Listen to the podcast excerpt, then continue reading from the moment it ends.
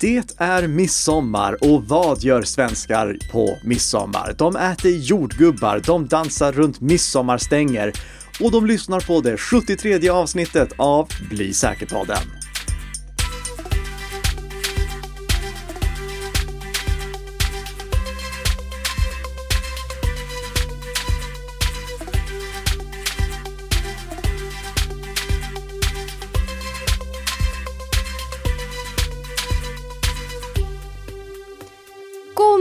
Och glad midsommar! God morgon och glad midsommar!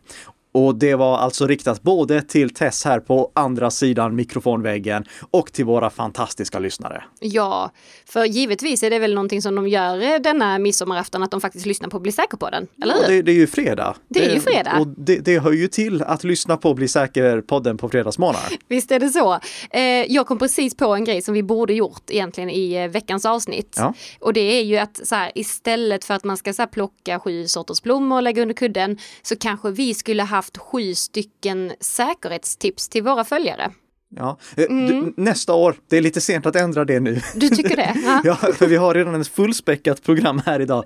Eh, Men spara den idén Jag till, sparar den. vad blir det nästa år? Avsnitt typ 130, eh, 120 någonting. Mm, absolut. Ja, eh, så kan vi prata om det då. För det vi ska prata om den här veckan, Mm. det är att eh, jag har ändrat mig på Jaha. en sak. Ja, det Bara händer inte ofta, sak? Men ibland händer det. Eh, och så ska vi prata om eh, subdomäner och vi ska prata kortlänkar. Men först av allt, Ja, då Veckans. har vi, jag vet faktiskt en grej som du har. Du har ju både en veckans känga Ja. och veckans beröm att har jag. dela ut. Mm. Till samma företag. Till, till samma företag, till D-Link. och med så. Ja. Vill du berätta? Eh, det vill jag. Men först vill jag poängtera att den här podden produceras i samarbete mellan Nika Systems och Bredband2. Snyggt, För det hade jag glömt. där har vi den. då kör vi. Vad har Ja. hänt på D-Link? Jo, D-Link, de släppte en väldigt bra router när Wi-Fi 5 var nytt. Nu är vi ju framme vid Wi-Fi 6, men när Wi-Fi 5 var nytt för eh, snart tio år sedan, eh, då släppte de routern DIR 865L. Och det var en väldigt bra router. Okej. Det är en, en, en trevlig router som jag tror att många har idag. Och det, eh, alltså, eh, rent prestandamässigt finns det ingen anledning till att byta ut den. Nej, men det finns någon annan anledning kanske här. Ja, för Palo Alto Networks och deras säkerhetsavdelning Unit 42, de har upptäckt sex stycken sårbarheter i den. Aj då. Och i och med att eh, det var en av de första Wi-Fi 5-routrarna så tror jag nu att våra lyssnare kan lista ut att den routern inte längre kommer få några uppdateringar från D-Link. Och de här sårbarheterna som har upptäckts i routern, de gör att eh, routern kan användas i överbelastningsattacker. Och också att eh, någon som är i det lokala nätverket kan eh, komma åt administrationsgränssnittet trots att de inte har det rätta lösenordet. Och då kan de i princip göra vad som helst. Det är alltså inte någonting som går att utföra, den här att komma åt administrationsgränssnittet går inte att göra över internet utan det kräver att angriparen är i det lokala nätverket. Men ändå, det är en allvarlig säkerhetsbrist. Och D-Link, de gör inget åt det här. För att det är ju en gammal produkt. De skriver bara så här som svar på ehm, Unit 42s eh, upptäckta sårbarheter. Jag, jag, jag läser det viktiga ur eh, själva svaret, men jag lägger en länk till hela svaret om ni vill läsa det. Kör. D-Link recommends the following information for end-of-life service products. Retire and replace product for an actively supported product. Owners of the DYR865L who use this product beyond the end of service life at their own risk should manually update to the latest firmware. Inte så bra. Nej. D-Link har, trots att den här produkten inte är eh, någonting som de underhåller längre, kanske åtgärdar tre av bristerna. Jaha.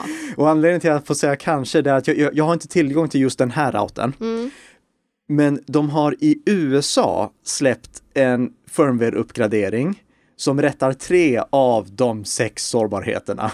Eh, De sårbarheterna som kunde användas för att attackera på distans. Eh, Okej. För att till exempel ha eh, själva routern som del i en överbelastningsattack. Eh, Men jag vet inte om den firmwaren, alltså den mjukvaran fungerar på de svenska versionerna av routern. Det är lite oklart. Så eh, min rekommendation får oavsett vara att byta ut den här routern, för den får inte längre säkerhetsuppdateringar och ska då inte längre användas. Varför får D-Link en liten guldstjärna då också? Ja, det kan man ju fråga sig. Ja, och det är för att när jag kollade på den här, då gick jag in på deras webbplats och där såg jag att på alla deras routrar mm. så står någonting som inte står på konkurrenters routrar, nämligen huruvida routern fortfarande får säkerhetsuppdateringar från D-Link eller inte. Mm. Så det står om den är eh, aktiv eller om den eh, inte längre säljs eller om den inte ens längre underhålls. Mm. Det borde alla routertillverkare ha på sina webbplatser för alla sina routermodeller. För vi har ju sagt i tidigare avsnitt att om din router inte har fått en eh, säkerhetsuppdatering under det senaste året så ska mm. du nästan förutsätta att den inte längre får säkerhetsuppdateringar. Men det är ju ett väldigt luddigt sätt att se på det, för det skulle ju kunna hända att det inte har upptäckts någon sårbarhet ja. under det gångna året och att den därför inte har fått någon säkerhetsuppdatering. Så därför gillar jag det som D-Link har gjort här. Mm. De är ändå tydliga, alltså även om jag tycker att de borde underhålla sina äh, routrar längre, så jag förstår, det är ett affärsmässigt beslut. De kan mm. inte underhålla routrarna hur länge som helst eftersom att de inte tjänar pengar på dem längre. Såklart. Sen tycker jag att det ändå borde vara en, en viss livslängd som mm. routrar har som är lite längre än vad det är idag. Men de har i alla fall gjort någonting så transparent att de berättar nej, de här produkterna, de struntar vi i nu, mm. de ignorerar vi. Byt ut dem. Har du köpt en sån, eh, då måste du byta ut den nu. Det är ju väldigt bra. Det är eh, bra och tydligt i alla fall. Absolut. Eh, så det, det, det får de en guldstjärna för. Mm. Sen tycker jag ju att egentligen borde alla routertillverkare också ha en stor lysdiod på sina routermodeller som börjar blinka rött dagen som eh, routertillverkaren bestämmer sig för att sluta tillhandahålla säkerhetsuppdateringar till den. Mm. Men det är kanske för mycket att begära. Kan vara så. Kan vara så. Um, nu ska jag faktiskt meddela lite så glädjande nyheter. Ja! Ja! Um, Okej okay, Nika, vilken är din spontana reaktion när jag säger Adobe Flash? Eh, den kommentaren som eh, eh, Monty Python-sketchen om spam har i sig, den här. Ew! Jag vet exakt vilken du menar. Ja. Och du är inte ensam om det, utan alltså Adobe Flash har ju varit tungt kritiserad eh, genom åren. Eh, men eh, nu börjar vi se slitet på Flash-eran.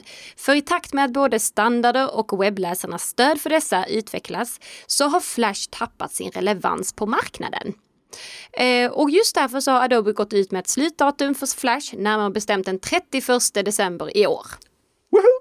Eh, gärna så, så långt ut på året mm. som man bara kan. Ja, men de hade lovat att eh, de skulle lägga ner stödet det här året. Så, ja, så det är ju så, men det är snyggt i alla fall. Men då, det är ändå bra, nu. nu har vi ett datum. Eh, och detta innebär ju då att Adobe inte längre kommer tillhandahålla nedladdningar på deras eh, webbsida. Och eh, däremot så kommer ju befintliga installationer fortsätta fungera även efter den 31 december. Men inga säkerhetsuppdateringar kommer komma. Nej. Så där är det ju superviktigt för dig som lyssnar på den här podden att om du inte redan har gjort det så är det dags att överge Flash. Ja. Eh, om du kör Windows, gå in i lägg till och ta bort program. Eh, kolla om du har Flash där. Om du har det, avinstallera.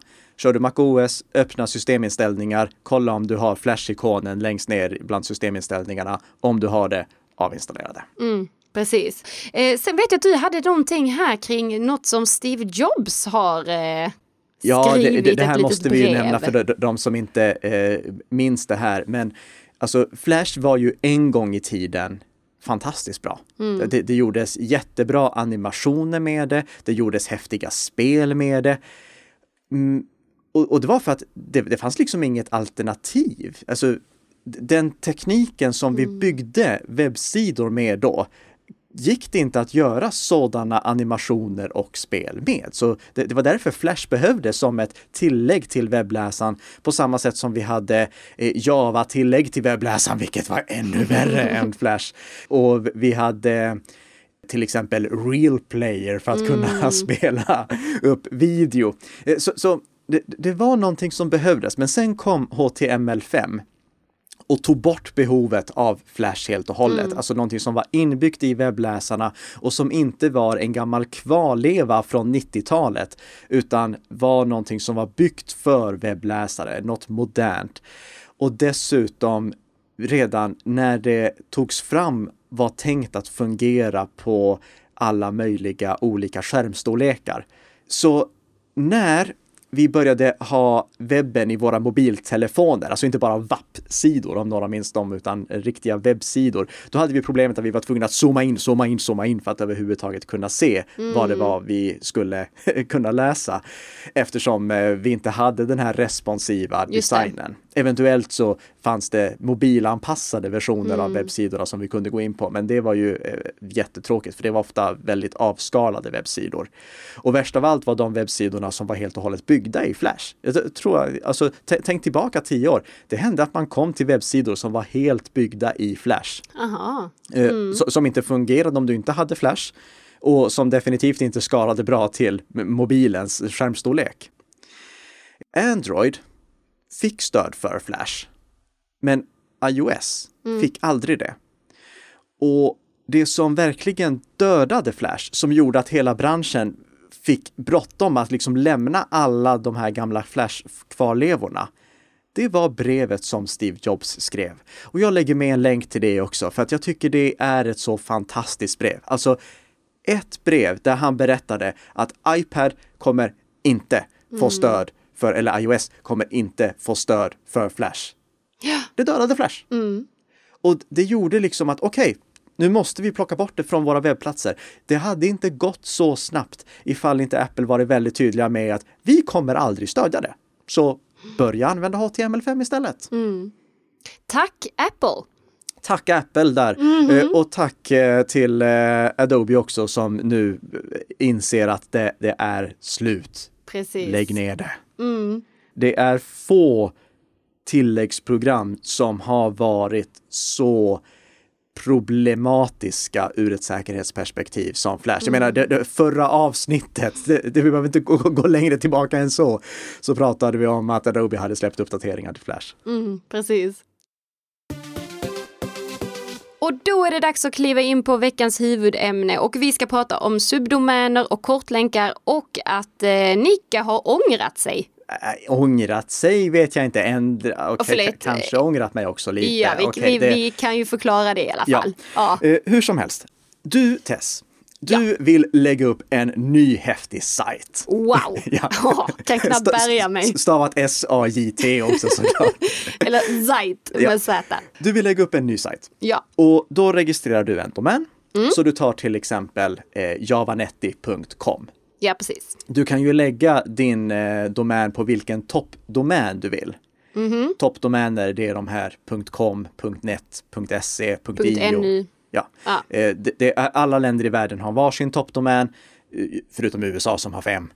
Och eh, det finns en del generiska toppdomäner också, som till exempel .store. Mm. Så du, du, kan lägga din, du, du, kan registrera din domän under vilken toppdomän du vill. Det finns några länder som du inte får registrera. Du får inte registrera på .no om du inte har ett norskt bolag och liknande. Men okej, okay, okay. överlag kan du registrera under vilken toppdomän du vill. Uh.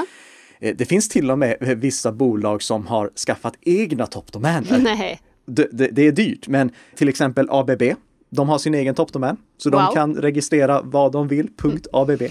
eh, SCA har sin också. Eh, så du, du, du tar och, och, om vi utgår från att du inte har en massa miljoner och kan registrera din egen toppdomän, då det registrerar du en domän under eh, någon annan toppdomän, som till exempel .com. Ja, eh. så nu är det javanetti.com. Exakt. Ja. Din sajt, var ska du lägga den? Ska du lägga den på www.javanetti.com mm. eller på javanetti.com direkt? Alltså det låter ju najsigare med javanetti.com. Mm. Mm. Men med Bredband2, ni valde www.bredband2.com. Precis, ja. ja. Och det var ju länge sedan. Det var länge sedan, ja. ja. Och, och, det var faktiskt så att förr i tiden, då var det liksom praxis att man la sin webbplats på www, alltså World Wide Web. Mm. Och så sin domän. För domäner hade vi ju tidigare för mail och liknande.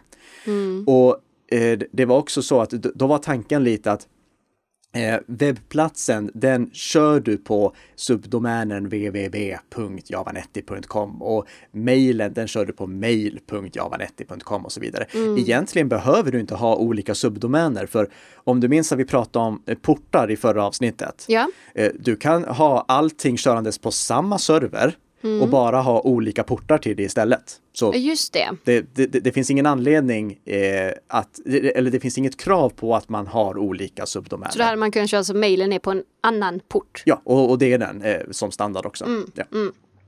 Eh, Men hur som helst, eh, när Google Chrome släppte Chrome 69 2018, då blev jag arg. Jaså? Ja. För att då bestämde de sig för att www och m som subdomäner till eh, huvuddomänerna var triviala. Någonting som inte behövde visas. Ja. Så när man uppdaterade till Chrome 69 och gick till till exempel bredband2.com eller www.bredband2.com, då stod det bara bredband2.com i webbläsarens adressfält ändå. Ja. Ja. Och, och det tyckte jag, det är ju rent vansinnigt. Jag kan inte gömma en, en su- subdomän. Det är ju ändå någonting viktigt. Inte minst för att, så som vi pratade om med Flash, det fanns vissa webbplatser som fortfarande hade www. och som sin huvudwebbplats och m. som sin mobilanpassade webbplats. Inte så många längre, men det, alltså, det, det fanns ändå. Så jag, jag tyckte att det, det här kan ni inte göra. Det, det är inte upp till er att bestämma huruvida en subdomän ska visas i adressfältet eller inte. Och, okej, vän av ordning säger då, okej, men byt webbläsare. Ja, det, ja men det, det vill jag kanske inte göra och jag ville kanske gnälla. Och det var många med mig som ville gnälla. Så Chrome och Google backade. De sa, okej, vi lägger tillbaka det. Men vi kommer plocka bort det. Vi kommer plocka bort det, bara så ni vet, vi kommer plocka bort det.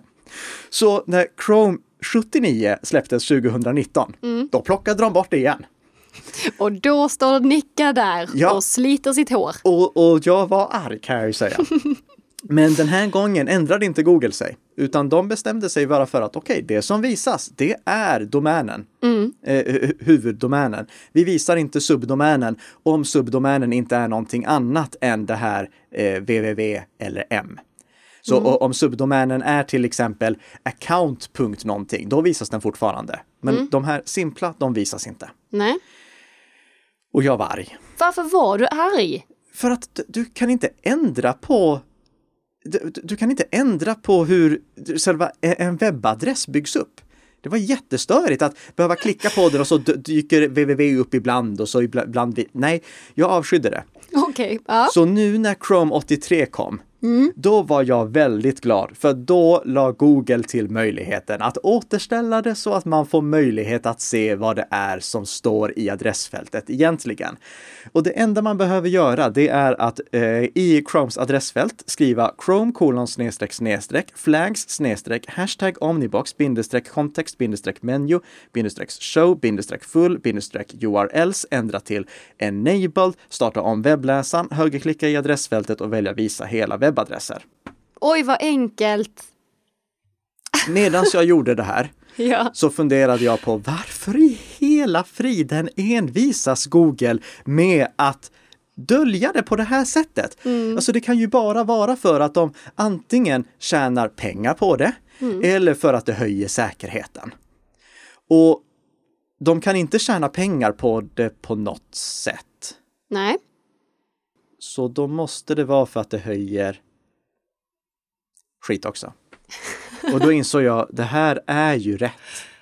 Det är ju rätt att, precis som att man döljer HTTP och HTTPS, att dölja www och m för att bättre framhäva huvuddomänen. Och jag insåg, jag har kämpat emot i onödan. Wow, Nick, alltså, jag vill nästan applådera här. Ja, Nicka kryper till korset. så jag gick tillbaka och stängde av den här ändringen. Varför är det här säkrare då? Jo, för att vi har ju tjatat många gånger om problemet med att angripare registrerar lookalike-domäner, registrerar en domän, eh, alltså till exempel ta polisen och registrerar det under en annan toppdomänen.se.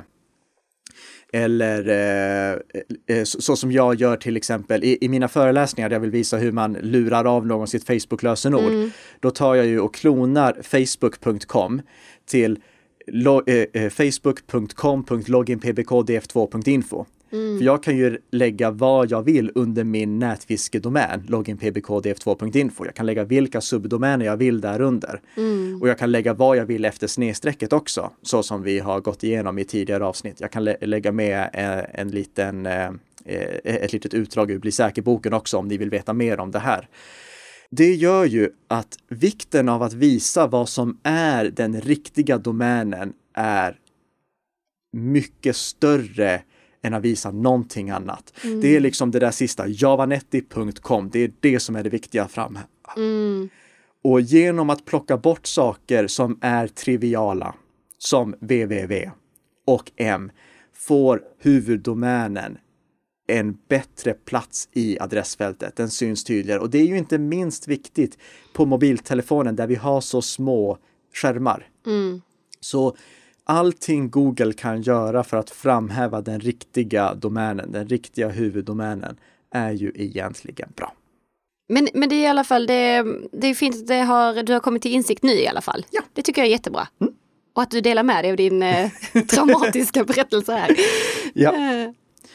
Vi ska inte bara prata om att det är bra att dölja www och m som subdomäner. Nej. Utan vi ska också prata om en subdomän som är riktigt bra som är Go.